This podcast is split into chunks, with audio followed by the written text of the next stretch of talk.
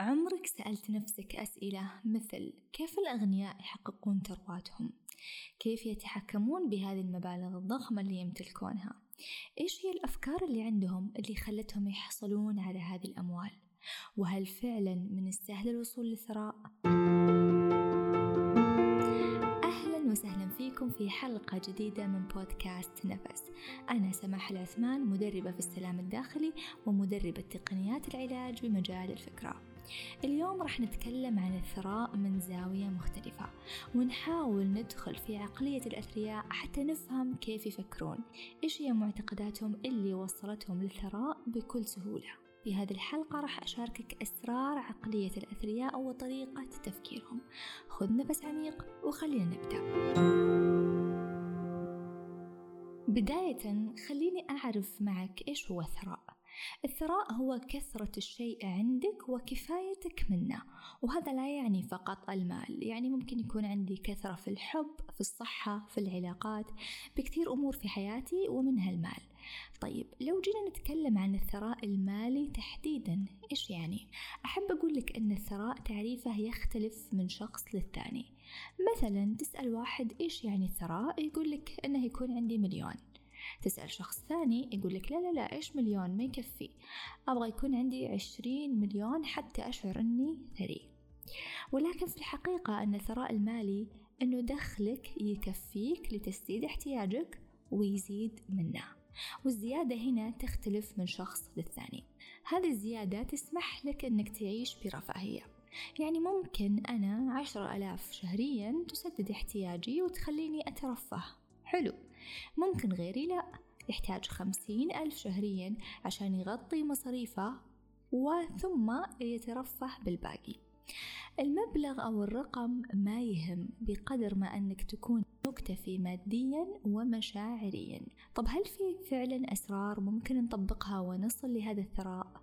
نعم وهي ليست كتب أو نظريات هي حقيقية وأنا شخصيا جربتها وشفت نتائج عليها. الأسرار اللي بتكلم عنها اليوم هي عبارة عن ثلاث قوانين مهمة. القانون الأول اسمه قانون المشاعر القانون الثاني اسمه قانون الإيمان والقانون الثالث اسمه قانون التعلم. هذه الثلاث قوانين إذا طبقتها أوعدك أنك راح تشوف نتائج بإذن الله. القانون الأول قانون المشاعر. أول سر يطبقها الأثرياء هي أن مشاعرهم وطاقتهم عالية. حتى لو مروا بأحداث سلبية إلا أن طاقتهم تكون عالية. كيف؟ كل هذا بسبب المشاعر واللي هي دائما أحب أتكلم عنها وأنبه عليها وعن أهميتها. خليني أعطيك تمرين بسيط ولكن قوي. لو قلت لك الآن غمض عيونك. تخيل نفسك ثري وعندك كل الأموال اللي تحتاجها وكل الأشياء اللي تبيها. كل ديونك مسددة وما عليك ولا التزام. ومرفه ومبسوط وعايش حياتك. إيش شعورك؟ بتقولي أوف وناسة أكيد بكون مبسوط. حلو طيب. اسكت شوي وركز أكثر. هل يجيك شعور إنه مرة صعب؟ مستحيل يصير هذا الكلام. لا لا لا هذه أحلام وردية. ولا يجيك شعور إنه أوكي حلو هذا الخيال ممكن إنه يتحقق وبحاول إني أوصل له. وهنا يكون السر أو هنا تكون اللعبة. مشاعرك هذه تعطي انطباع عميق جدا عن أفكارك تجاه الثراء. كل ما كانت مشاعرك متزنة كل ما كان استعدادك أكبر. طب إيش دخل المشاعر؟ المشاعر يا صديقي هي عبارة عن ذبذبات وهذه الذبذبات ممكن تقاس بأجهزة معينة لأنها تعطي ترددات معينة والثراء له ترددات. ومشاعرك أيضا لها ترددات. فكل ما كانت مشاعرك مرتفعة معناها أنك أنت قادر أنك تكون بنفس ترددات الثراء فتحصل عليها. أما لو مشاعرك منخفضة وتحس أنك من الصعب توصل لهذا الشيء وما عندك حظ بالتالي ذبذباتك لا تتناسب مع ذبذبات الثراء فتكون بعيد عنها. طبعا أكيد رب العالمين يكتب لنا الأرزاق ولكن إحنا مسؤولين عن الحصول عليها. الله ينزل الأرزاق على كل البشر ولكن أنت بسعيك تحصل عليها. طيب إذا أول نقطة هي المشاعر راقبها. إذا عندك خوف من المال خوف من إدارة الأموال خوف من أن الناس تكرهك إذا صرت غني ممكن أفكار كثيرة تكون متخزنة عندك وهذا التمرين بيكشفها لك إذا شعرت بضيق جيب ورقة وقلم وابدأ بتفريغ المشاعر اكتبها كلها حتى تكون واضحة عندك. القانون الثاني هو قانون الإيمان. السر الثاني من أسرار عقلية الأثرياء أنهم مؤمنين بثرائهم. حتى قبل ما يكون ثري يعرف أنه هو قادر على هذا الشيء. كيف وشلون؟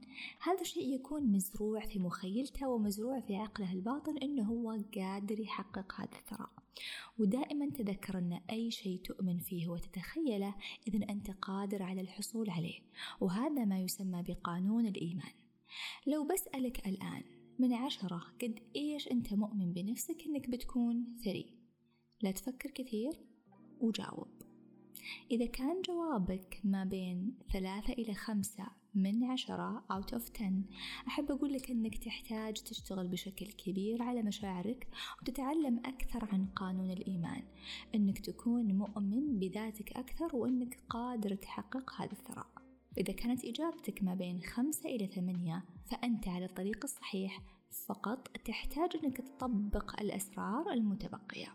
وإذا كانت إجابتك ما بين ثمانية إلى عشرة فبرافو عليك لأنك already ثري هنا الإيمان عندك يكون قوي وبالتأكيد هذا راح ينعكس على عالمك الخارجي. حتى وإن كان تفكيرك أنك صعب تحصل على هذا الثراء تدرب أنك تغير هذا التفكير عن طريق أنك تركز على الشيء اللي تبيه. يقول هارف إيكر في كتابه أسرار عقلية المليونير وهو من الكتب المفيدة اللي أنصحك أنك تقرأها. يمكنك أن تختار أن تفكر في الطرق التي يمكنها مساندتك في الوصول إلى السعادة والنجاح بدلا من الطرق التي لا تؤدي إلى ذلك. يعني أنك تركز معتقداتك وأفكارك ومشاعرك على ما يخدم هدف الثراء وهذه العملية تبدأ بتنظيف عقلك اللاواعي اللي هو بيكون لك القائد اللي حيوصلك للثراء طيب سماح لو عندي فكرة أني أنا مستحيل أصير ثري أهلي فقراء وكل اللي حواليني دخلهم بسيط كيف أقدر أتغلب على هذه الفكرة؟ هنا نرجع لأساس المشكلة اللي هي البرمجة إن أهلي فقراء إذا أنا فقير أن كل اللي حولي دخلهم محدود إذا أنا بكون مثلهم. طب ليش ما نغير الفكرة إلى أني أنا بصير الثري في عائلتي؟ أنا اللي بكسر هذه الصورة. انتبه من هذه الأفكار اللي بالغالب راح ترجعك للخلف. أنصحك بالاستماع لحلقة كيف أسخر خوفي لصالحي واللي تكلمت فيها بشكل عميق كيف نقدر نتخلص من الأفكار والمخاوف المعيقة لنا. القانون الثالث قانون التعلم.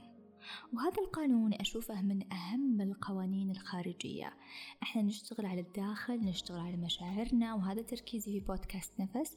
وهذا شيء جدا جميل وصحيح مية بالمية. بس السعي والتعلم شيء مطلوب وأساسي للوصول.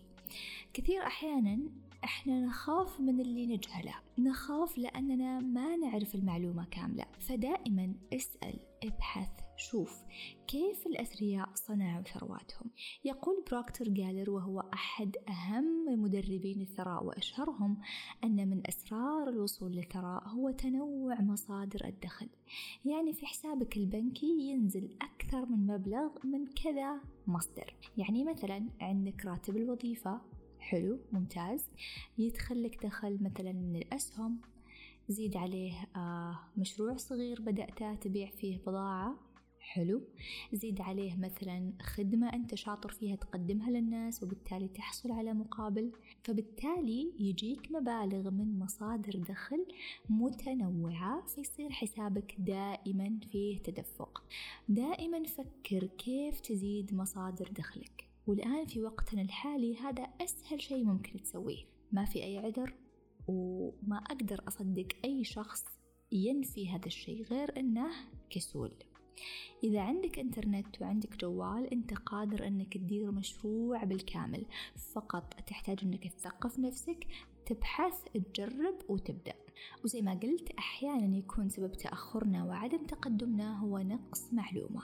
لذلك ابحث دائما وقرأ حتى تكون ملم ومثقف بكل الجوانب. إذا أهم ثلاث قوانين وأسرار يمتلكها الأثرياء هي أنك تطبق هذه القوانين. واحد قانون المشاعر. اثنين قانون الإيمان. ثلاثة قانون التعلم. لا تنسى أنك تشارك هذه الحلقة مع شخص مجتهد يحاول يصل للثراء أو مع أي شخص صغير في السن. تساعده أنه يوسع مداركه وتزيد من وعيه. وفي الختام خلونا نسأل الله سبحانه الوفرة. الوفرة في كل شيء في حياتنا. الحب الدعم الأمان الخير المال الصحة. نسأله سبحانه أنه دائما يورينا البركة في حياتنا ويساعدنا نكون أثرياء بكل سهولة ويسر حتى نساعد من حولنا وندعمهم ونستمتع بنعم الله علينا. وأنا ألقاكم في آخر حلقة من هذا الموسم اللي عنوانها التعلق المرضي في أمان الله. thank you